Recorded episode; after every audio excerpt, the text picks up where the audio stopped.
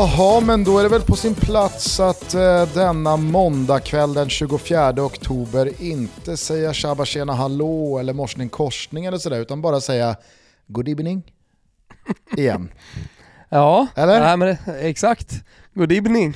nu ska han tillbaks. ja, jag, jag såg det, jag såg det. Känns bra.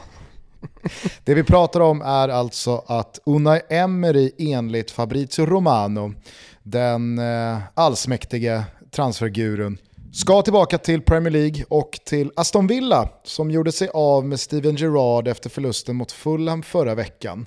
Eh, lite oväntat kan jag tycka i och med att Unai Emery ja, men ändå gjorde en sån fin säsong eh, i fjol med Villarreal. Man gick hela vägen till, eh, var det, det var fan i mig semifinal eh, i Champions League. Man slog ju för fan ut eh, Bayern München i kvarten ja. Exakt. Eh, och så löste man ju en hyfsat väntad, liksom respekterad ligaplacering parallellt med det. Mm. Eh, och, och, det kändes lite som han, han, han hade hittat rätt, han hade hittat hem till Spanien ja, precis, igen. precis. Han ska inte vara och flaxa och fladdra i England. Nej.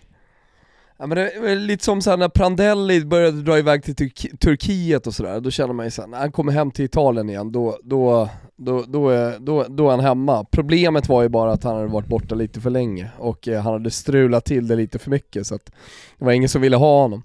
Eh, va, va, alltså nu är det ju Premier League, nu är det inte en, eh, en, en liten parentes i karriären borta i Turkiet men men trots allt så, så, så känner man ju att eh, det, det är läge att lyckas lite här nu i Aston Villa. Jag vet inte vad du Jo, ger men- honom för chanser att göra det heller. Alltså framförallt så måste man ju säga att Steven Gerrard har ju på alla sätt och vis misshandlat den där truppen. För det finns ju kvalitetsspelare på varenda position nästan, i alla fall i varenda lagdel. Och det är inga dåliga spelare som har värvats in för småpengar utan det är, det är stora spelare med betydligt bättre erfarenheter än nedre halvan av Premier League och liksom Aston Villa som någon typ av peak i karriären. Eh, så att, eh, det, det, det är ju en gravt underutnyttjad spelartrupp han kommer till. Det såg man ju inte minst här i Villas eh, första match utan Steven Gerrard mot eh, Brentford där det står 3-0 efter en kvart och det är liksom, ja men alla kan andas igen kändes det som. Eh, Så, så jag tror nog att han kan få ordentlig fart och, och ett lyft liksom med, med den där spelartruppen. Sen vad det räcker till och vad man egentligen kan ha för krav på en klubb som Aston Villa numera när ganska många lag har sprungit ifrån dem både sportsligt och ekonomiskt. Jag vet liksom inte så här, är en tionde plats är det, liksom, är det väl godkänt?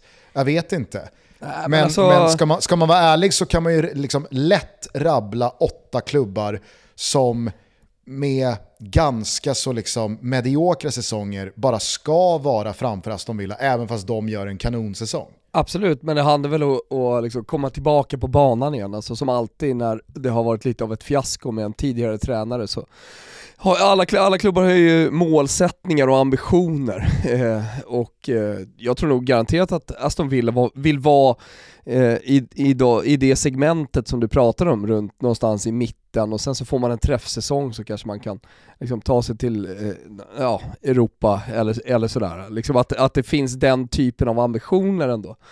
Eh, men, det, är- men det är ju en jävla resa dit såklart. Jo, så är det verkligen. Så att, alltså så här, jag, jag, jag kan nog tycka Det är ju att en det här... satsande klubb i alla mycket, fall. mycket bara- Ja, absolut. Och jag kan på, på sportsliga grunder tycka att det här eh, både känns spännande från Aston Villas håll men också Unai Emerys håll. Arsenal kanske var lite väl stora skor så tidigt efter Wenger eh, att ta på sig. Han bottnade inte riktigt där. Det här kanske är mycket mer en, en, en, en match. Liksom. Men det jag förvånas över det är att han orkar sig tillbaka till den där eh, mediakåren och eh, så som alla liksom hånade honom och när han fick lämna med svansen mellan benen. Det kändes som att Alltså jag var helt övertygad om att Unai Emery själv kände aldrig mer England. Ja, nej men, eh, och då måste man ju väga in det fina han har gjort i, i Spanien när han kommer tillbaka och, och när, när man kommer från ett land, liksom, man, har, man är uppvuxen och sen så hittar man tillbaka igen så är det, så är det ju såklart att det, det, det känns lite märkligt att man ska, man ska fly lite det igen då. Absolut. Sen så säger det väl också någonting om hur bra han också gjorde det med Villarreal, inte minst i våras. Alltså för, för det Villarreal som, alltså du, du kommer ju ihåg hur du såg ut mot Juventus. Eh, och, och, och, det var redan i åttondelsfinalen, då har jag bara snabbspolat förbi gruppspelet där man var gruppens överlägset bästa lag. Där man alltså tävlade med både Manchester United och Atalanta. Eh, det, det, det, var sen liksom inget snack mot Juventus över 180 minuter. Det var inget snack mot Bayern München över 180 minuter. Och även fast man var totalt överkörd av Liverpool på Anfield så kommer du ihåg returen eh, i Villarreal där man vänder tillbaka på det där och det blir, liksom, det blir match av det. Eh, så att eh, han kan, eh, men, han kan nog också... med, med, ganska gott samvete och liksom vara trygg i att han nog kan uträtta ganska mycket med den där spelartruppen han redan har på plats i Villa. Ja, men det, det, det är jag helt övertygad om också, och det skulle, det skulle kunna gå eh, snabbt också. Alltså, han skulle kunna få effekt eh, ganska fort liksom, på, på ledarskap och sättet han vill, han vill träna laget. Men äh, det, här, det här är ju ytterligare ett bevis på att Premier League alltid i slutändan, i alla fall när, när vi pratar ekonomi, är någon slags slutmål, det blir slutdestinationer eh, i Premier League. För att de spanska klubbarna, alltså typ Villarreal och de här, kan ju inte mäta sig med vad liksom ett kräftgående Aston Villa kan erbjuda. Nej, nej exakt. Och det är ju som du säger, alltså det finns ju 20 tränarjobb Exakt. i den där serien. Exakt. Och de 20 tränarjobben tillhör ju allihopa de 30 mest intressanta tränarjobben i världen. Eh, det blir jävligt eh, intressant dock att följa här nu vad Steven Gerrard gör. För att eh, alltså, han hade Eller inte gamla... gör. Eller inte gör, det kan också vara väldigt klokt ja. att inte göra någonting här nu på ett tag. Vet du vad han Nej, behöver men, göra? Eh, han behöver ju göra det Pep Guardiola gjorde liksom, när han drog iväg från fotbollen och jag vet inte, pluggade Åka till USA språk. och spela schack. Ja, men var, det, var det schack han spelade? Mm. Mm. Det låter så jävla klyschigt. Det är nästan så här, så här, gått på myten om sig själv-grej för Pep Guardiola drar och spelar schack i, i, i New York. Men, eh, men, är, men är inte Pep Guardiola en enda stor klyscha då? Ja, men så här, Allegris liksom, kortspelande i Livornos hamn, det är ju inte klyschigt ens. Det är liksom så här, ja men det är klart att han gör det. Men att Pep Guardiola drar till New York och spelar schack, det känns fan som att han har gått på myten om sig själv alltså. Ja men han är ju lite av en därför man vill honom illa. Ja, men alltså så här, helt ärligt, har du, har du sett Pep Guardiola säga en enda normal sak senaste fem nej, åren? Nej, det är faktiskt sant. Alltså. Det, han, han, kan ju liksom inte, alltså så här, oavsett fråga, hur simpel den än är, så ska det vara lite märkvärdigt. Ja, ja, nej, jag följer någon sån här äh, demon-ungdomscoach i USA som, som eh, tränar tjejer där borta och sådär. Allting han lägger upp på Instagram är liksom när han står och har samling med gruppen ute på planen. Och det är liksom, det är bara, du vet han har kommit på grejer, metaforer hela tiden, så han håller på och jämför då eh, ja, med deras fotbollsspelande med ja, en massa konstiga saker och det blir så jävla, det, jävla dåligt blir det. Nu, nu när du säger det, var det kanske i det som Norling tappade bort sig själv?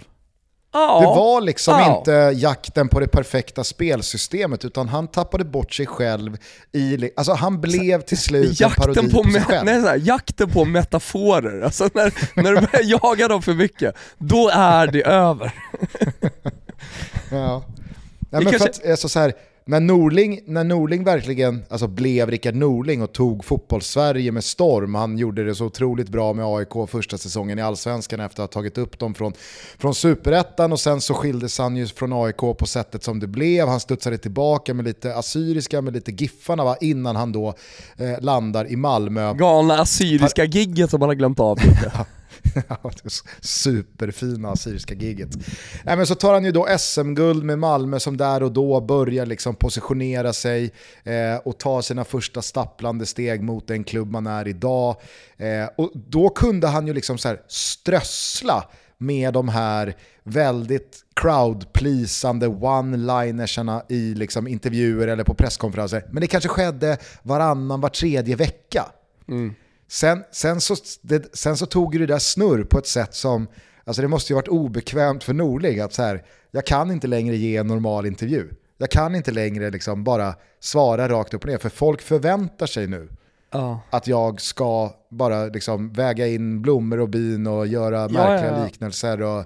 Det övergick ju sedermera också till olika ansiktsuttryck och sånt där. Han gjorde väldigt mycket konstiga grejer med, med, med, munnen och med ögonen och, och, och sådär.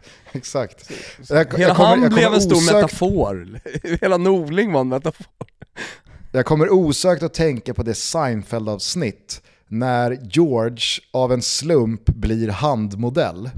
Ja, och han liksom bara över en natt börjar tjäna enorma pengar och eh, liksom supersnygga tjejer vill ha honom. Och så är det någon då fotograf eller någon som är involverad i hans första photoshoot eh, som då berättar att jag har bara sett ett par händer tidigare i mitt liv eh, som går upp mot dina.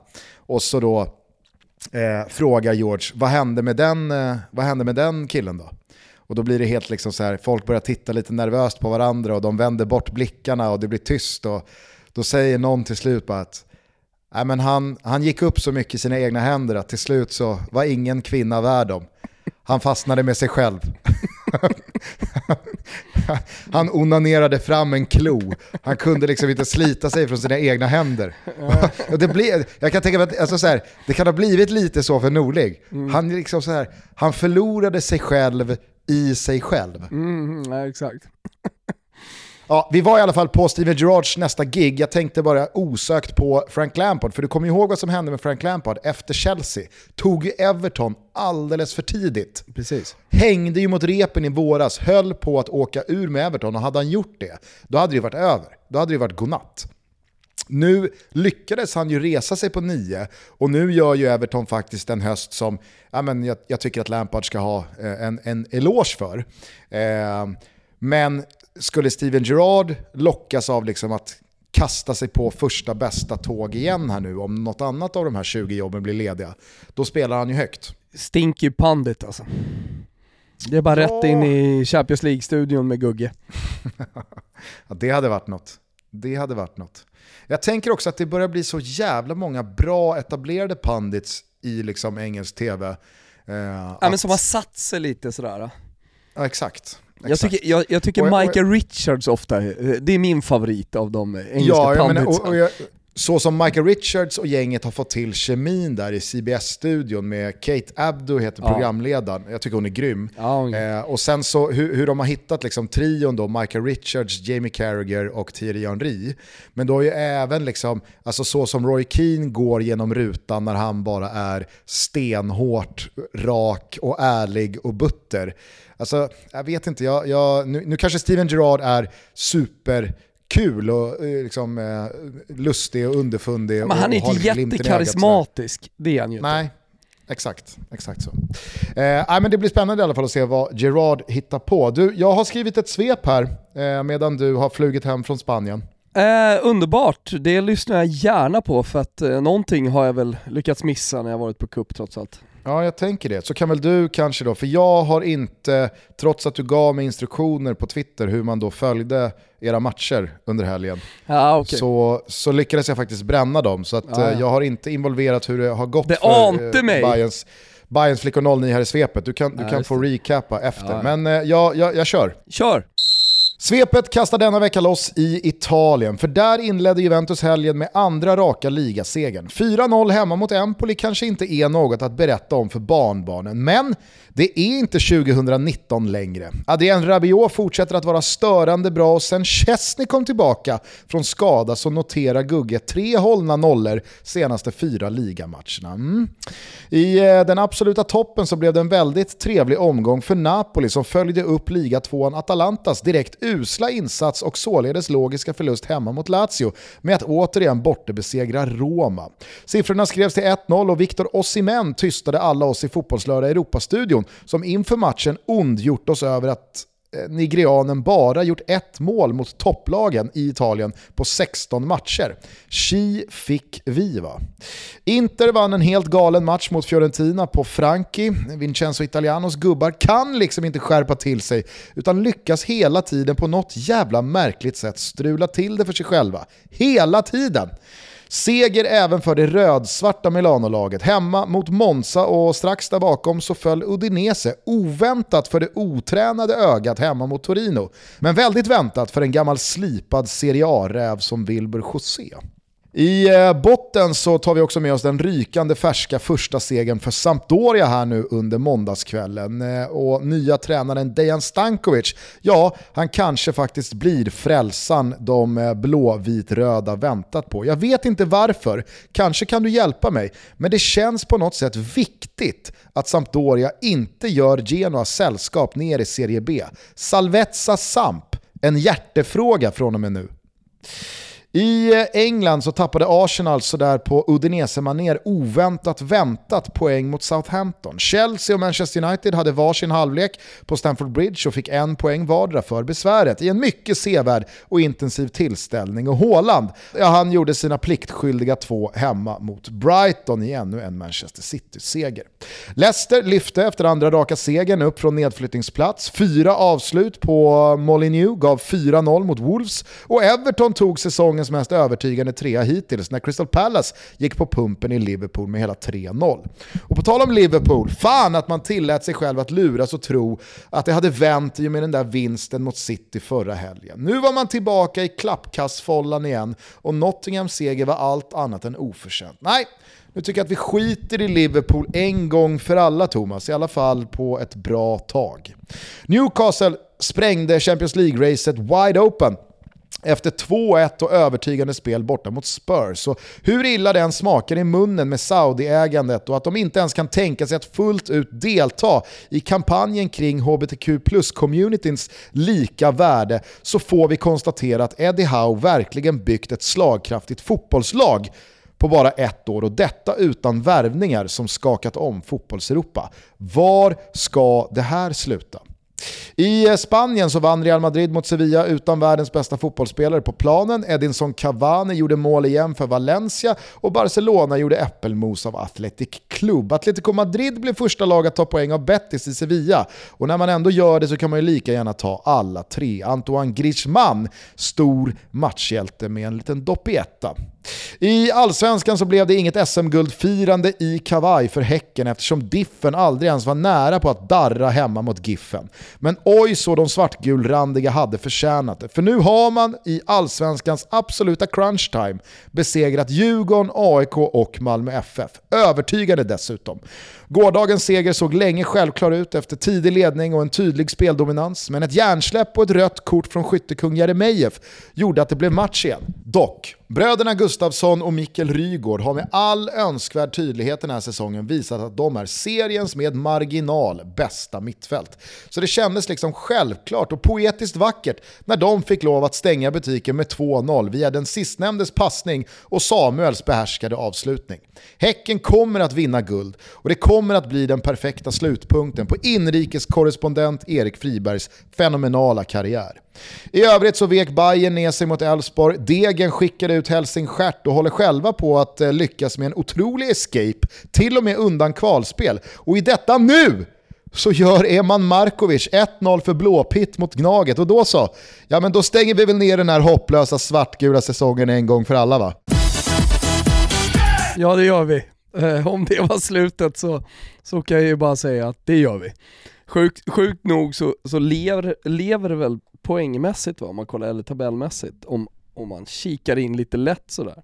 Men, ja, men jag eh, tror, jag tror det, alltså väl ändå jag... att liksom, när Bayerns guldtåg nu definitivt har gått, då tror jag att de liksom kan släppa lite liksom på axlarna neråt ja, ja. Och, och, och, spela ut registret och ta sina sex poäng. Och då håller, de ju, då håller de ju övriga lag bakom sig. Så att, alltså, Topp tre kommer ju bli Häcken, Djurgården, Bayern. Ja, alltså, alltså, problemet, så eh, problemet också för AIK, de hade ju behövt vinna idag. Men eh, de är sämre målskillnad va, så de behöver liksom upp en poäng ytterligare med två omgångar kvar från Hammarby. Och eh, ja. det blir såklart för tufft. Det ska väl också för protokollet eh, bokföras då att Kalmar här ikväll också spelade 0-0 mot Sirius. Hade man vunnit den matchen, ja, men då hade jag gett Kalmar en hyfsad möjlighet att faktiskt eh, snuva Bayern på den här tredjeplatsen. Men nu tror jag att Bayern stänger ner det där i nästa omgång när de då möter just Kalmar hemma ja, men på Tele2. Det hade blivit en final som hade verkligen, ja men hade kunnat bli en sån här bragdmatch eh, som man kommer ihåg i Eh, Eh, Kalmars anrika historia. Eh, när man vann mot Bayern och tog en Europaplats mot alla odds. Men eh, det hjälper inte i det här läget nu, så att eh, det, det, det är som du säger, det kommer bli de tre lagen som tar sig till Europa. Och ja, jag tycker också att det är helt rättvist.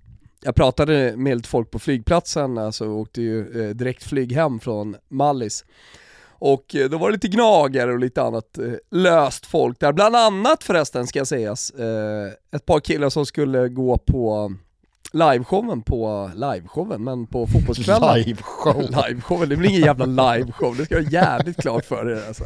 Det blir en fotbollskväll med lite quiz och samkväm, det är vad det blir på O'Learys 12 jag tycker definitivt att alla som lyssnar och har möjlighet ska komma. När öppnar vi portarna? 17-17.30 någonstans eller? 17.00 tror jag portarna öppnar för alla de som har eh, förbokat bord. Eh, för alla som är intresserade av drop-in-platser så råder jag er att vara på plats innan eh, halv sex. kom dit, O'Learys 12 under alltså Tele2. Sen kan man ju dyka upp såklart när man vill under kvällen, ja, ja, ja. men vi kommer köra quizet med finfina priser i potten klockan 18 Hock innan fighterna drar igång. Hockey-Toto kommer ju förbi eh, efter att de har kört live också. Så man får möjlighet att träffa Fimpen och Dick Axelsson och inte minst då Kimpa Wirsén, superproducenten. Så det blir dunder. Det är Men, väl nästan eh, det största namnet bland de tre, om vi ska vara ärliga. Ja, exakt. Om vi, om vi ska vara ärliga. Oavsett eh, lagtillhörighet som jag pratade med under eh, en, en späckad fotbollshelg, där det blir mycket liksom, tid till att sitta och äta tapas och prata fotboll. Eh, så eh, gnagare som eh, djurgårdare som bajare och en och annan smålänning jag är ganska övertygad om att det, det, spelar liksom ingen roll för att AIK kan inte ta den där Europaplatsen efter den här säsongen. Är fortfarande lite omskakande att de bara är tre poäng bakom den där toppen och att, mm. att lagen fortsätter att falla där uppe som, som Bayern nu i helgen. Det, det, det, är, det är det sannolikt. Nej, men det här kommer ju såklart sluta med den topp tre vi sa. Det kommer sluta med SM-guld för Häcken. Nu har man ju dessutom chansen att säkra allting mot IFK Göteborg på Gamla Ullevi i eh, ja, nästa omgångs eh, Göteborgsderby. Ja, verkligen. Jag, jag, blev också lite glad när jag snackade med Fribben i eh, förmiddags och frågade då, liksom, kommer ni följa Djurgården, Giffarna ihop då, eventuellt få fira SM-guldet? För att hade inte Djurgården vunnit här ikväll så, så hade det ju varit matematiskt klart. Men det stängde ju Fribben ner direkt. Nej, nej, nej. Det är inte ens någonting planerat. ja, men det gillar jag. Alltså, på riktigt blir jag glad jag ja, det. Nej, men det är, alltså så här, dels så blir man glad ur någon jinx-synpunkt. Dels blir man glad men... utifrån att liksom alla i Häcken vet att Djurgården kommer slå Giffarna. Och dels så blir man glad för att det också finns en liten möjlighet till att ingen i Häcken, alltså de, är så, de är så guldovana att ingen har tänkt på det. Nej, precis. ja, visst. Jaha, är det så? Fuck, vi är så guld. ja. Ja. Nej, men, så det blev, det blev jag lite glad över, men som jag sa i svepet, helvete vilken återigen imponerande insats från Häcken. Jag, jag antar att du kanske inte kunde följa den här matchen från Spanien jo, eh, för fan. I, i varenda minut. Du, ah, okay. ja. du, du, du, du, du, du, du, fan jag har ju, jag har ju Telia och Simor vet du. Funkar alldeles utmärkt att sitta på stranden, jag satt faktiskt på strandpromenaden och kollade på den här i min telefon, och, åt, och åt, vad är det man äter? Vad är liksom tapasrätten nummer ett? Och då vill jag inte höra så här patatas bravas eller ja, vad det nu är. Jo, det är de här heta räkorna som man får som ligger liksom i olja. Ah. Det åt jag och eh, avnjöt. Personlig favorit är ju annars eh, Boccheronesarna. Absolut, det fanns inte på alltså du var, du var Cala Mior, det är ruskigt svagt. alltså, bara tyska pensionärer där. Ja. En och annan britt. Fick britt. Va? Vad sa du? Va? Vad sa du? Ursäkta? Nej jag sa inget. Hur som helst, Jeremejeff där. Nej det är ingen, det är ingen, det är ingen utvisning. Nej men det är ju Kristoffer Karlsson va? Eh, som eh, höll i pipan. Ja. Då, får man, då får man väl ändå Snuten. räkna med att... Jaha, vad hände här då? är det någon som... Har vi något problem här? Jaha, jag vet inte vad ni säger men jag ser en gammal landslagsman ligga i backen och jag ser en skyttekung verka vara lite skyldig. Jag mm. tror vi gör så Två gånger kvar, här kan eh, han bli centrum. Jag tror vi gör så här Alexander att du får titta på det här röda kortet och så får du lämna plan. Där har du spelargången. Så! Ja. Nu gör vi lite match av det här. ja. Ja, nej, jag, ja. jag, jag, tycker liksom att, eh, jag tycker att det faller allting. Så här, om någon, alltså om, om någon domare ser det där och eh, man uppfattar liksom våldet som grövre än vad reprisbilderna sen visar och att man i den där liksom splitsekunden inte hinner uppfatta att just det, det är Ola Toivonen som är mest rutinerad på den här planen och som vet att Alexander Jeremejeff är lite het, eh, levrad i den här situationen och som förmodligen har provocerat fram en reaktion här, som kanske har sagt något eller trampat på någon hälsena eller legat och skavt där. Han vill ha den här situationen. Han vill ju att Jeremejeff för två tiondelar ska tappa huvudet och ge honom chansen att lägga sig ner så att Jeremejeff får rött kort. Alltså, jag förstår att en domare i det, liksom, alltså, att man inte hinner processa det på bara någon sekund eller tre. Eh, men att man kan se ett grövre våld från liksom en vinkel som sen inte då liksom visar sig på reprisbilderna inte vara så grovt. Ja, men det kan jag ha förståelse för. Men problemet här blir ju att man så tydligt säger att det är armbågen. Och så visar reprisen att det var ingen armbåge. Då, det, det, är som att säga att så här, men jag ser en hans. Då måste du ju se en men hans. Är, är vi inte för att, för att vi, kan, vi, kan, vi kan inte ha domare som blåser på saker som man tror sig se. Nej, det, för, men är vi inte tider där det är liksom så fel? Iber, eh, ibervanligt att prata om clear and obvious i, i och med att det, det är liksom VAR-regeln, eller no, någon slags allsmäktig regel då kring VAR. Uh, mm. Clear and obvious liksom. Uh, en allsmäktig, oerhört luddig regel. Jag vet, men ändå, all, alltså vi pratar ju, det ska vara clear and obvious. Ni sitter ju i studion hela tiden och pratar om clear and obvious, clear and obvious, eller? Jo, jo absolut, men, men, men, men det, alla, det alla har lärt, det alla har lärt sig... Det här var inte clear and obvious, du tar inte upp det synligt röda om det är så att du ser någonting. Du kan inte, kan inte hitta på att du har sett någonting. Se syner, då får du ju, Nej, får ju kliva ner i division 4 och damma. Helt ärligt. Jag ville bara, jag ville bara säga att även fast, det, även fast samlingsbegreppet är clear and obvious, så ja, vet, faller så ju även det under liksom godtycklighet. Någonstans vet. går ju gränsen för ja. vad som inte är clear and obvious och så Abs vidare. Så att, jag vet, ja. men du förstår vad jag menar, jag säger bara att det, det är lite trendigt just nu att prata ja. om det. Och Nej, det kommer ofta upp i era jag, studios. Jag säger bara att hade Kristoffer Karlsson och domarteamet sagt så här, nej men det är en liksom utanför spel, eh, liksom fysiskt liksom farlig tackling som han sätter in bara för att skada spelare. Det är rött kort. Fine, jag köper det.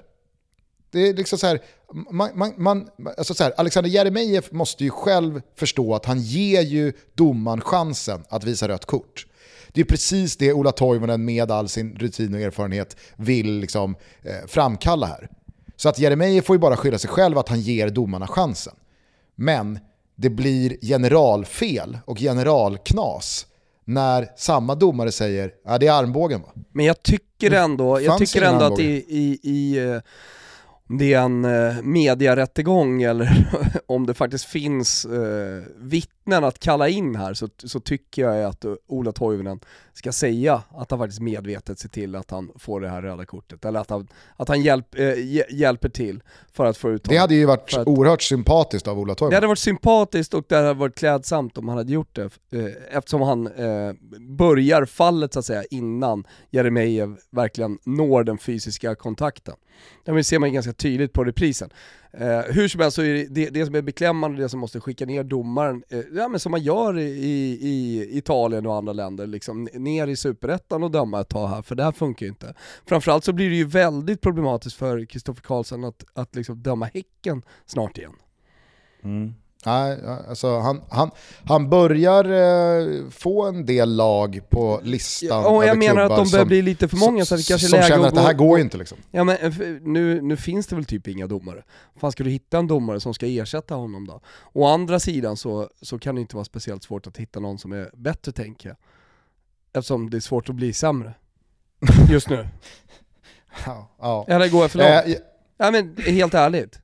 Det, det, det är någon grej, för det här var ju, en, det här, det, det här var ju liksom körsbäret på säsongstårtan där lite grann va? Jo men precis som jag var inne på för någon vecka sedan efter eh, stöket i samband med Stockholmsderbyt, att nu känns det verkligen i magen att det har varit någon incident för mycket för att liksom även alla vi pyroteknikförespråkare ska tycka att det här känns bra. För att det, det, alltså så här, det, det, det, har varit lite för mycket stök. Jag säger inte att vi har omvärderat vår kärlek till pyroteknik, men vi som i min ringhörna tidigare jämt och ständigt har varit trygga i att så här, med all den här pyrotekniken som vi gärna ser på läktarna, ja, men då, då får man också liksom räkna med att det någon gång här och där eh, liksom ballar ur från två eller tre eller fyra individer. Men att det nu den senaste tiden har varit lite för många sådana incidenter och det börjar kännas jävligt, dels tröttsamt men också jävligt liksom, olustigt. Lite samma eh, liksom, generaliserande omfång är det ju kring Kristoffer Karlsson. Att nu har det varit en eller två större matchavgörande, eller i alla fall i det här fallet då, potentiellt matchavgörande misstag Eh, i lite för många matcher på lite för kort tid. Nu var det väl kanske en jävla tur då att eh, Häcken löste det här, eh, så, så att det faktiskt inte fick någon betydelse då för, för den här matchen. Däremot så vet jag inte vad som händer med hans avstängning, om, jag, jag har hört att Häcken ska överklaga den och jag, jag vet inte hur, hur det där funkar, om det ens är möjligt att häva avstängning. Men, jag, men... Tror att, jag, tr jag tror att det kommer bli en kompromiss, att han får en match och inte okay. två. För eh, hade då, hade Häcken förlorat den här matchen, och Malmö liksom, eh, som de borde ha gjort då, eh, kört över dem i den andra halvleken med en gubbe mer, och, och sen förlorat guldet också, då hade det blivit väldigt, väldigt avgörande. Då hade väl Djurgården, eftersom jag antar att du också tänker att då är det Diffen som snor guldet. Ja. Alltså, då hade ju Djurgården kunnat bjuda upp Kristoffer Karlsson på guldfesten så som var det AIK som bjöd upp, det var någon jävla spelare i Häcken va? Som gjorde det där målet mot Helsingborg 98 som fick åka upp till eh, Café Opera och vara med på Gnagets guldfest. Ja, ja, ja, ja, ja, för fan, för fan. Så var det. Ja. Så. Cirkelslutning hade det blivit då. Ja, eh, men eh, som du var inne på, 2-1 Häcken, välförtjänt seger, Sveriges bästa lag och eh, liksom för att bara avsluta Jeremejeff-gate här, helvete vad, vad, vad härlig intervju han gjorde med Jonas Dahlqvist efteråt. Hur lättad han var. Ja. han sa både tre och fyra gånger liksom vilka jävla hjältar hans lagkamrater var och att han ångrade sig och att det var, liksom, det var bara idiotiskt av honom själv. Eh, även fast han liksom inte höll med om att det skulle det vara ett rött kort. Men, det är också klädsamt. Ja, att han, ändå han, var liksom, ju, han, han, var ju, han var ju mest förbannad på sig själv. Mm, ja. Mm. Eh, men, men, att han också Bro. avslutade den, den långa eh, intervjun med att säga nu, nu ska jag gå in och be om ursäkt personligen till alla, igen. Mm. det, var, det var gulligt och fint. Toto Balutto är sponsrade av Samsung TV. Vi säger varmt välkomna tillbaka till er. Ni som har varit med de senaste åren har ju kunnat följa via Toto Balutto deras otroliga utveckling på sina TV-apparater de senaste året och eh, nu har de en TV-portfolio som kan erbjuda en TV för precis alla rum. Och eh, där kan jag verkligen gå i god för alla rum för att jag har Samsung här i studion, eh, jag har det ute på kontoret och eh, hemma. Så jag är lite av en expert eh, och när man pratar om expertis så handlar det om att veta vilka modeller som möter vilka behov, personer och för all del också intressen. De har ju allt från toppkvaliteten, QLED-teknologin som ger fantastiska färger, kontraster och ljusstyrka som passar perfekt i miljöer med mycket naturligt ljus, som i en öppen planlösning, till exempel i mitt vardagsrum. Där jag kan då få ut maximalt av att kolla på en fotbollsmatch. De har också tv-apparater som rent estetiskt passar väldigt bra, som The Frame, som ser ut som en tavla, men som också erbjuder toppkvalitet vad det gäller bild. Hur som helst, i år så har de kommit med en liten nyhet. Inte så liten, det är en stor nyhet för mig, men själva produkten är liten och eh, det är väl halva grejen. Jag eh, var i somras på fotbollscup eh, med mina tjejer och jag gillar att ta ut små klipp och sen visa tjejerna. Men det blir ju lite problematiskt när du ska liksom koppla upp datorn och du ska krångla. Då vill man ju ha en projektor som är dels lätt att ta med, men som också ger riktigt, riktigt bra kvalitet. Jag pratar full HD. Och som man kan streama upp eh, på en vit vägg eller i ett konferensrum och så vidare. Den här projektorn som heter The Freestyle har verkligen gjort mitt liv mycket, mycket enklare. Jag använder den som en 3D-skärm ute på kontoret när det pågår många fotbollsmatcher. Jag tar med den som sagt eh, på fotbollskupper med tjejerna och jag tar också med den ut på landet. Där, om vi säger så här, tv-möjligheterna inte är fantastiska. Men ni vet ju själva, om man åker ut i landet en regnig dag så vill man ju bara liksom gosa ner sig och kolla på TV. Och då är den här lilla portabla nöjesmaskinen alldeles perfekt. Jag kan visa en bild på upp till 100 tum. Och det är så enkelt för att det är bara en strömkabel att koppla i och sen så ett nätverk som man kopplar upp och sen så kan du logga in i precis alla dina TV-appar som du vill använda. Det finns nu också ett battery pack så att du behöver inte ens strömkabeln.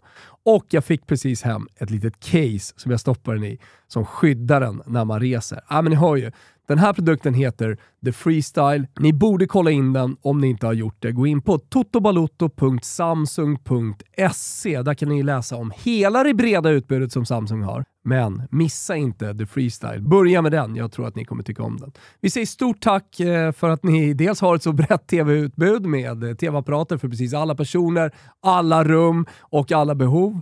Men också för att ni är med och möjliggör Toto Valuto. Det är inte många dagar kvar nu inför vårt event på Ulleris 12 i Stockholm. Det är fullbokat på eh, bordsplatser, men det finns upp mot 500 drop-in-platser. Så kom i tid. Det kan vara så att det kommer mycket folk eh, och vara med. Det är alltså en torsdag, så ni fattar ju det är Europaboll på tv-apparaterna. Det blir svepbattle, det kommer hända en massa roliga saker eh, och man kommer såklart också kunna avnjuta Italiens bästa kaffe, Lavazza. Bara en sån sak. Lavazza sponsrar ju, säkert som många känner till, Juventus och på plats kommer vi tävla ut Juventus-biljetter. Uh, så att uh, det finns anledning att komma dit. Men vi kommer också tävla ut en massa andra grejer om man använder koden LAVAZZATOTO där man förslagsvis då avnjuter en god kopp färsk italienskt eh, Lavazza-kaffe. Om man inte kan vara med på eventet så är man ändå med och tävlar om andra fina priser. Som till exempel en årskonsumtion av Lavazza-kaffe och så annat smått och gott också från dem. Jag älskar ju Qualita Rossa. Jag vill slå ett slag eh, för detta karaktäristiska kaffe med fyllig smak, varma toner av choklad. Eh, det kommer ju från robusta-bönorna, ni som inte känner till det. Och sen så det här söta, nötiga som kommer från de sydamerikanska arabica-bönorna. Ja, men tillsammans med arabica och robusto, den här blenden, så får man en fantastisk sammetslen balans. Mm, det är så gott. Hashtag Lavazza Toto. Var med och tävla. Vi säger stort tack till eh, Lavazza som är med och dels gör det här eventet tillsammans med oss, eh, men också för generös tävling. Toto Balotto är sponsrat av Sveriges största varumärkeskedja som erbjudit stil sedan 1957. Jag pratar om MQ! Jajamensan! De som erbjuder kläder för både dam och herr samt accessoarer från svenska och internationella varumärken. Det jag tycker är så bra med MQ, det är att de hjälper oss att bygga en långsiktig och smart garderob som liksom känns rätt både här och nu, men också över tid. De erbjuder också tjänster som jag varmt rekommenderar. Allt från skrädderi till eh, personal shopper, men sneakers-tvätten är fin också så här på hösten. Att eh, lämna in sina eh, sneakers och sen så ställa in i garderoben nu när vädret blir dåligt och så tar man ut dem eh, när april kommer och gatorna är sopade. Så blir de snygga. Hur som helst, nu har vi i Toto Balotto tagit ut våra favoriter och ni hittar dem på mq.se på vår unika lilla landningssida. Utvalt av Toto alltså, där hittar ni långsiktigt snygga kläder. Alltså vi pratar kläder som funkar både i vardagen när man tar en promenad eh, på söndagen eh, med sin käresta, sina vänner och ändå vill se lite snygg ut. Man piper in på någon trevlig liten bistro och dricker något gott och käkar något gott. Då vill man ju se snygg ut, men man vill fortfarande vara lite vardagsklädd. Samma kläder då som funkar om man bara slänger på sig en skjorta och en kavaj så blir det helt plötsligt dressat snyggt till festen. Ni är med va? Ja, för det antar jag. Det är tidlösa plagg som funkar här och nu, men också för framtiden. Vi pratar om hörnstenarna i garderoben som du öppnar. Du vet att du alltid kommer kunna använda de kläderna. Koden TOTO20 ger dig 20% på alla plagg som är utvalt av Toto och det gäller endast online. Det gäller mellan den 20 och den 27 oktober så det gäller att passa på här och nu. Det är bara att gå in och inspireras av kläderna som jag har på mig på bilderna. Jag är helt övertygad om att ni kommer hitta någonting till just dig. Vi säger stort tack till MQ som är med och möjliggör Toto Balutto. Lystring, lystring, lystring! Vår partner Grit skulle nämligen vilja pusha för något som vi knappt visste fanns innan och som kallas för programmatisk annonsering. Jajamensan! Grit kan nämligen sätta ert varumärke på mer eller mindre alla stora nyhetssajter. Inte bara med så klassiska bannerannonser, utan även native, alltså det vill säga färdigskrivna artiklar för er som inte har koll på det. Annonsering i nyhetsmedia har ju som bekant dokumenterad hög trovärdighet, men även ordentligt hög räckvidd. Så varför ska du som lyssnar nu, som är marknadschef, köpa dina annonser programmatiskt istället för att boka genom tidningshusen? Då? 1. Grit sköter nämligen budgivningen på ytan åt dig genom sina plattformar och det ger dig mer effekt. 2. Lyssna! Grit optimerar annonserna under kampanjperiodens gång för att utesluta irrelevanta positioner och annonser som inte levererar. Tre! Jajamensan, det finns en trea här också. Här kommer grädden på moset. Grit har färdiga datamålgrupper som säkerställer att dina annonser inte bara visas på de största sajterna, utan även för rätt målgrupp på de största sajterna. Ja, men ni hör ju. Ni måste kontakta Andreas eller Jakob på www.gritmedia.se för bättre marknadsföring. Gör det nu! Eh, ska vi röra oss eh, lite utåt då till det internationella från eh, svepet. Eh, såg du eh, Chelsea-Manchester United? Ja, ja för fasen. Vi hade lite Chelsea-farser med och sådär också. Är det någonting man kan lita på på Mallis, eftersom det är så jävla mycket britter där, då är att det finns sportbarer och varenda jävla restaurang visar ju Premier League. Så det är enkelt mm. faktiskt att följa fotbollen. Mm. Vad, vad, vad tog du med dig från slaget på bron? Alltså jag trodde verkligen att, eh, att, eh, att Chelsea skulle köra över. Även om Asså. jag tycker att United, ja men jag trodde det. Även om United har börjat se lite bättre ut, så jag tyckte det kändes i hela min mage. Där, där, där var jag snett på det, men det kanske är i Premier League, eh, kristallkulan trots allt inte är så klar som i liksom, övriga fotbollsvärlden eh, när jag tittar in i den. Eller så var det bara dimman eh, man levde i där, kuppdimman alltså, inte någon fylledimma. Eh, man levde i nere, nere, nere, nere på Mallis. Men jag fick en känsla för att, att Chelsea skulle, skulle, skulle lösa det där. Ja, alltså så här, det, det, hade väl inte, det hade väl inte varit liksom helt överjävligt orättvist ifall Casemiro inte hade fått in den där nicken på tilläggstid och Chelsea hade vunnit med 1-0. Eh, men jag tycker att Uniteds första halvlek är ju, den är, den är ju riktigt, riktigt bra och jag tycker att man liksom går ut med ett sånt jävla nyfunnet självförtroende och övertygelse eh, liksom, i en av seriens tuffaste bortamatcher. Eh, dessutom med hela den här liksom Ronaldo-soppan hängande över sig. Eh, jag, jag, var, jag var jävligt imponerad av Uniteds första halvlek. Sen så måste man ju ge det till Graham Potter hur han då ja, men matchcoachar Chelsea tillbaka in i det. Och det är, det, det är Chelsea som är bättre än andra halvleken. Men jag fastnade för, ja, men dels Casemiro, eh, vilka jävla vilka jävla insatser här mot slutet när han till slut har liksom tagit sig in i den där startelvan. Ten Hag kanske hade koll hela tiden med att inte liksom slänga in honom för tidigt utan skynda lite långsamt. Eh, men, men eh, dels så, så visar han ju en enorm jävla liksom ledarkaraktär och eh, attityd och han har ju liksom blivit hela det här lagets hjärta och själ tillsammans med Lisandro Martinez på bara några veckor. Men, men, det jag måste säga, och det jag faktiskt ser lite liksom imponerad över, är ju att han har ju tystat alla dem, och till den skaran får man väl sälla sig själv, eh, som tänkte att ja, men Casemiro är ju kanske inte riktigt vad Manchester United behöver, för att det är ju snarare i det, i det kreativa, i, i spelet med boll och i vad man kan göra i offensiv riktning. Det är där United behöver förändra sitt innermittfält. Det har ju liksom i flera säsonger nu hetat att ja men, med McTominay, med eh, Matic, med Fred, alltså, det är för lite kreativitet och det är för lite konstruktiva fotbollsspelare. Men liksom helt okej okay, eh, när det kommer till det defensiva, och vinna boll och duellspel och, och, och den biten. Eh, men jag tycker att Casemiro visar en, en jävla höjd även i offensiv riktning och att han är en jävla alltså, duktig tvåvägsspelare.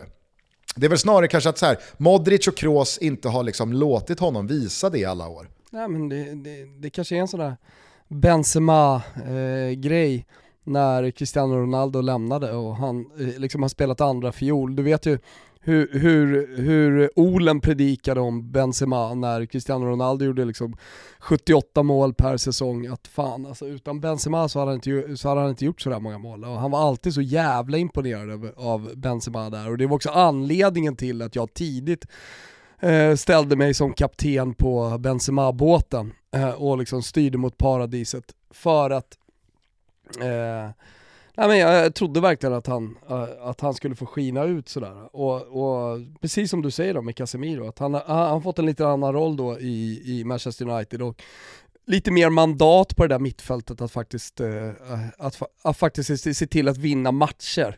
För det är det det handlar om i slutändan, han blir, han blir ju, och känns mer, även om han var svinbra och var såklart eh, starkt bidragande till titlarna som Real Madrid vann, men, men att han får får lov att vara, att eh, han eh, liksom kan bli tillåten att eh, vara matchavgörande. Det, det är väl den stora, tycker jag, eh, skillnaden. Sen är det ju en klassspelare som kommer in och en mästare som kommer in i Manchester United, till skillnad från halvmesyrerna som spelade där tidigare. Alltså med all respekt för liksom, ja Fred är en duktig fotbollsspelare, eller McTominay kan, kan vinna bollar, men, men alltså det, det, det, är två olika, det är två olika nivåer. Jag höll på att säga två olika sporter, men, men snudd på alltså. Nej men just det där, alltså, jag, jag, jag, tycker att du kan byta ut Fred och McTominay, för de har ändå varit i ah. den här klubben ganska många år nu. Men om man jämför med övriga värvningar man har gjort bara liksom de senaste liksom, två fönstren. Jämför Casemiro med Anthony, okej, okay, nu, nu är, det, det skiljer ett par år mellan dem och det är väl klart att det är väl mer naturligt för en 30-åring att gå in och bli en ledare kontra en, vad är Anthony, 21, 22. Eh, men just det där att även fast Jadon Sancho och Anthony kommer för miljardprislappar så, är, så alltså inte en enda gång har man ju sett liksom några andra spelare lyfta sig och höja sig av deras insatser på plan. Men Cas Casemiro kommer ju in här och med bara sin blotta närvaro snäppar han ju upp liksom alla i laget. Mm. Ja, men, och det, det, delvis det, jag tycker att det är han som gör den största skillnaden och, och, och om, man, om man tar spelarna. Men att Ten Hag nu börjar verkligen få resultat av hårt arbete sedan han kom. Eh, och alltså, nu gillar både du och jag honom och jag gillar honom som fan eh, under hela hans tränarkarriär och trott på honom i Manchester United också. Men det var ju ändå ganska tidigt så här, som alltid i en fotbollsvärld som går, ja, men snurrar så jävla fort och där, där man dömer ut folk tidigt, man dömer ut lag tidigt. Men eh, med, med, med, med hårt jobb liksom har, har tagit sig till, till eh, ja, men någon slags Premier League-toppen, liksom krig om eh, Europa och Champions, eller Champions League-platserna. Eh, och, och känns lite självklara där, det är kanske framförallt det. Just att, att man känner att de ska vara där och, och, och slåss om tre, tredje plats neråt. Liksom. Ja, men, och, och, alltså, på samma sätt som du säger att det snurrar snabbt i den här fotbollsvärlden och man dömer ut spelare, lag och tränare på liksom korta perioder, ibland enskilda matcher, så ska jag nu göra en höna av en fjäder åt andra hållet. För att jag vet inte om du noterade samma sak som jag, men alltså efter att United har kvitterat, då är, återstår det ju bara liksom en minut. Det återstår sekunder av tilläggstiden.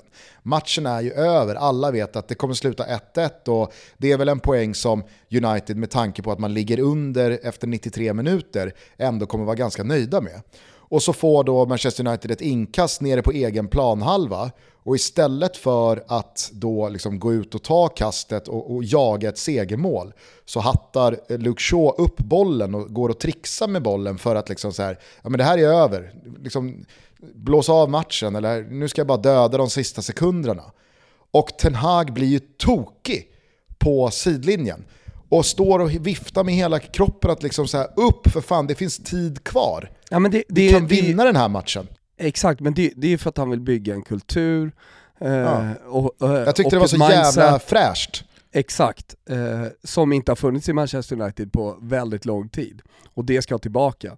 Så det, det, det, det är precis det Manchester United behöver i det här läget. Alltså, det, det, det, det blir så symboliskt för dem i, i en bortamatch mot Chelsea, där det kanske känns lite bra med sådär krysset.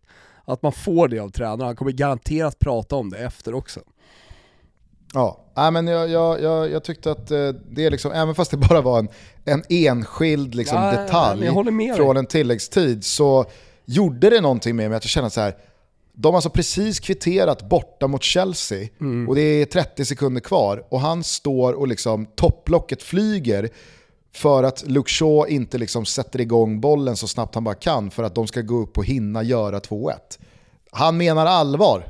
Han menar allvar, exakt. Han menar allvar. Eh, någon annan match som du följt eh, med intresse Nej och men däremot glädje? så, så här, från, från svepet, eh, eh, nej men det, en, en sak som jag tycker du nämnde som jag själv har, har klurat lite på eh, från svepet här var ju eh, Chesneys eh, ritorno i Juventus. Jag har tänkt på att, eh, ja, men så här, man brukar alltid prata om att målvakter ger trygghet till backlinjen och backlinjen ger trygghet till hela laget och det är viktigt att ha liksom en, eh, en bra målvakt som alla litar på. Eh, och, eh, man, man har ju inte pratat så jävla mycket om att Chesney har varit skadad. Eh, utan det, det har liksom fallit i skuggan av en massa andra dåliga prestationer och eh, andra stora spelare, typ Pogba, typ Di Maria när han har varit skadad. Eh, och deras frånvaro. Eh, men om det var, om det var Champions League-matchen senast, eller vad, då, då, eh, nej när han kom tillbaka första matchen. Då, då började det snurra, fan undrar om det inte ska gå lite bättre nu, om det inte ska bli lite trygghet i Juventus. För att jag tycker att han är en underskattad målvakt. Eh, så, eh, därför tyckte jag det var, det var bra av dig Gusten att du nämnde det i svepet. Mm. Eh, sen så kanske du kan hjälpa mig då med den här känslan av att det, det känns viktigt att Sampdoria spelar i Serie A. Vad det handlar om.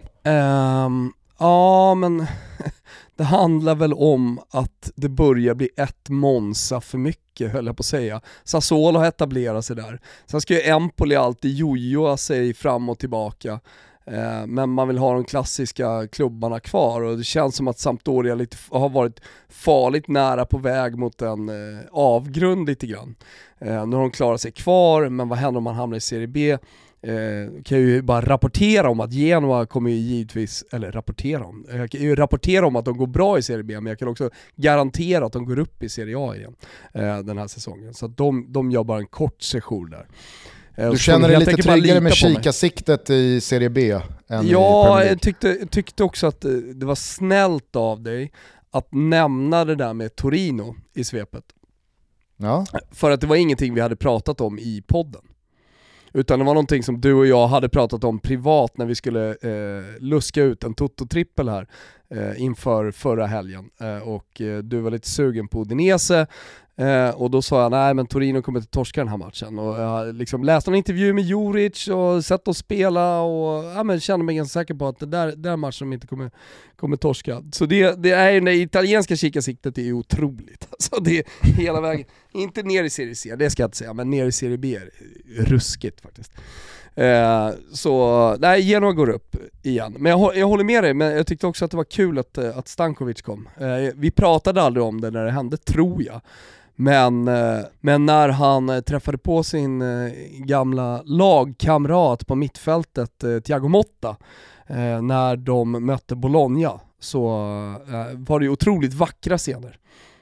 Och det, det, det kändes då självklart att Stankovic skulle vara i Serie A. Det har jag inte tänkt så jävla mycket på. För vi har ändå pratat en del om honom, för det har varit en del liksom, så här, situationer han har gjort det bra och sådär. Men, eh, nej, men jag, tycker, jag tycker han känns självklar där, och tror absolut han kan uträtta någonting i Serie A. Jag tror han kan fortsätta vara där. Sen så får man ju ändå ge det till Sampdoria som är en klubb i kaos med, de har väl fortfarande ingen ny ägare och det är eh, ruskigt rörigt kring Ferrero. Och, alltså att man ändå agerar i tid och eh, plockar in Stankovic efter åtta omgångar. Så att man inte går i Genoa-fällan från i fjol när man väntade lite för länge. Att liksom, när man väl plockar in Shevchenko så är uppdraget, ja men, det, det, är, det är Mount Everest, eller vad var det han pratade om? Alltså, um, det, det... Han, han, han, han, hade ju gett upp på förhand liksom, innan han ja. ens hade börjat. Nu gav man ju ändå Dejan Stankovic och spelartruppen möjligheten att få vi en effekt här nu, och nu har man ju fyra poäng på tre matcher under Stankovic. Man har kontakt med lagen ovanför strecket. Alltså, nu finns det ju någonting att bygga på utan att liksom, en ny tränare kommer in, tittar uppåt i tabellen och märker att okej, okay, det är 13 poäng till säker mark. Det här kommer aldrig gå. Nej men han är liksom den perfekta mixen, lite som Mihailovic också, av liksom jugge och eh, tydligt ledarskap men också en stor erfarenhet, prata språket och kan allting om italiensk fotboll. Eh, så, så, så en, en, perfekt tränare att få in tidigt på säsongen för att ändra på en riktning. Och att få liksom, eh, den, den här kantrade båten på rätt köl igen. Ja, det blir fint att följa Stankovic eh, fortsatta förehavanden där i Samp. Eh, absolut, I övrigt så frågade jag ju här eh, i svepet kring Fio innan vi lämnar Italien. Nej, vi kanske ska snacka lite Napoli i och för sig. Men alltså, Fiorentinas match mot Inter här i lördagskväll när man alltså gör tre mål på hemmaplan men ändå inte tar några poäng. Och man har liksom så här en andra gång bråkat sig tillbaka in i matchen och man har en pinne och att då på tilläggstid åka på en omställning och så, nu är det ju Mkhitaryan som blir bokförd eh, på, på målet, men det är ju liksom, det, det, är, det är sånt juniormisstag av Venuti att i den stunden inte vara mer cynisk och bara liksom sluten till hörna, ta ingen risk, chansa inte. Nej, att, slar, att, slarva bort poängen igen, alltså det, det, ser, det ser så jävla fumligt ut nu, i det där laget. Nu är, nu, nu är ju liksom Venuti en gubbe som är alldeles för liten för att ens få nämnas i Toto Balotto egentligen. men, men han har kostat Fiorentina lite för många poäng här nu under hans tid. Och sen är han såhär Florens grabb och man vill honom väl men... Gjorde han inte självmål mot Juve i Coppa Italia-kvarten i våras? Jo, jo, jo. Liksom det är det ena jävla juniormisstaget efter det andra, så, så direkta hjärnsläpp. Alltså han har ju blivit en mästare på indianare också. Spelar folk fria och grejer, det är helt jävla hopplös. Och så klarar han sig lite från eh, piazzan för att han är eh, Florens son och allt det där och kommer från akademin. Men nej, eh, herregud. Det bytet, Dodå ut och Venuti in såg man ju på förhand eh, bli ödesdiget, såklart. Jo, så är det väl. Eh, mm. Fiorentina får kämpa vidare under ja. Italiano. Hur säkert sitter däremot, han? Däremot eh, så gör ju Cabral, Ikoné och eh, Luka Jovic mål. Tre liksom, nyförvärv som många har trott på ändå. Eller, eller så här, alla tre spelare har gett eh, Fiorentina-supportrar lite hopp. Och sen så har alla underpresterat och så får de alla tre göra mål i en match som hade kunnat då bli, liksom, det hade kunnat bli mål som hade blivit symboliska med Luka Jovic som räddar eh, poäng eh, precis i slutet också. Och nu betyder de ingenting. Så att det kanske blir symboliskt åt det andra hållet. att, ja. Ikonés mål är fan otroligt alltså. Jo jag vet, men, men eh, när gör han det där nästa gång? Om två år när han, när han spelar i, i Real Betis eller, eller förlåt, i, i Mets i Mets spelar han ja. och, och, gör det där målet igen. Ja, eh, men eh, fråga kolon då, alltså ja. hur säkert sitter Italiano? Ja, jag tror han sitter ganska säkert faktiskt fortfarande. Okay. Någon eh, tränare som inte kan sitta mer säkert, eh, det är ju Luciano Spalletti som eh, nu alltså tog eh, elfte raka segern i alla tävlingar med Napoli, borta mot Roma. Eh, och nu vinner man ju också på det här sättet. Alltså, det här var ju en tuff och tight och hård och ganska liksom, alltså den var inte välspelad i någon eh, kreativ fotboll utan det var liksom vinna dueller, det var positionsspel, ligga rätt, inte bjuda på någonting. Roma har väl knappt ett avslut på mål. Eh, Napoli har kanske ett och så avgör man sent, man vinner med 1-0, man håller nollan. Alltså de, är så, de, alltså, de har så många färger på den där paletten. Ja, ja men, och det, det, det är ju det som är, tänkte säga läskigt, men det låter som att jag är negativ och inte vill det. Eh, men, men ruggigt då kanske med, med Napoli den här säsongen, att de kan vinna på så många olika sätt De kan vara liksom slaktbra mot Liverpool eller så, eller så kan de lida sig, lida sig men liksom vinna genom att göra en riktigt jävla bra kamp bara. Ja, så, så men just i, i det här läget, vi får väl se. Det, det, det är ju Napoli att hamna i en svacka, det är Napoli att liksom, schabbla bort det i något läge. Eh, och eh, jag ska inte jinxa någonting åt något håll men, men just i dagsläget så, så har man ju väldigt, väldigt svårt att, att, se att något lag ska gå om dem faktiskt. Även om det bara är tre poäng ner till Milan. Det var så en jävla definitiv påminnelse om att Roma inte är där än. Ja, ja, ja, ja. herregud ja. Det var, det var liksom 93 minuter av att, nej, om det nu är någon som fortfarande tror att det här laget kan vara med och bråka så... Ja men de är en konfamästare, det... det är ju vad de är. Eller hur? Ja det, det är vi fan. Ja, konfamästarna från Rom. Alltså. alltså.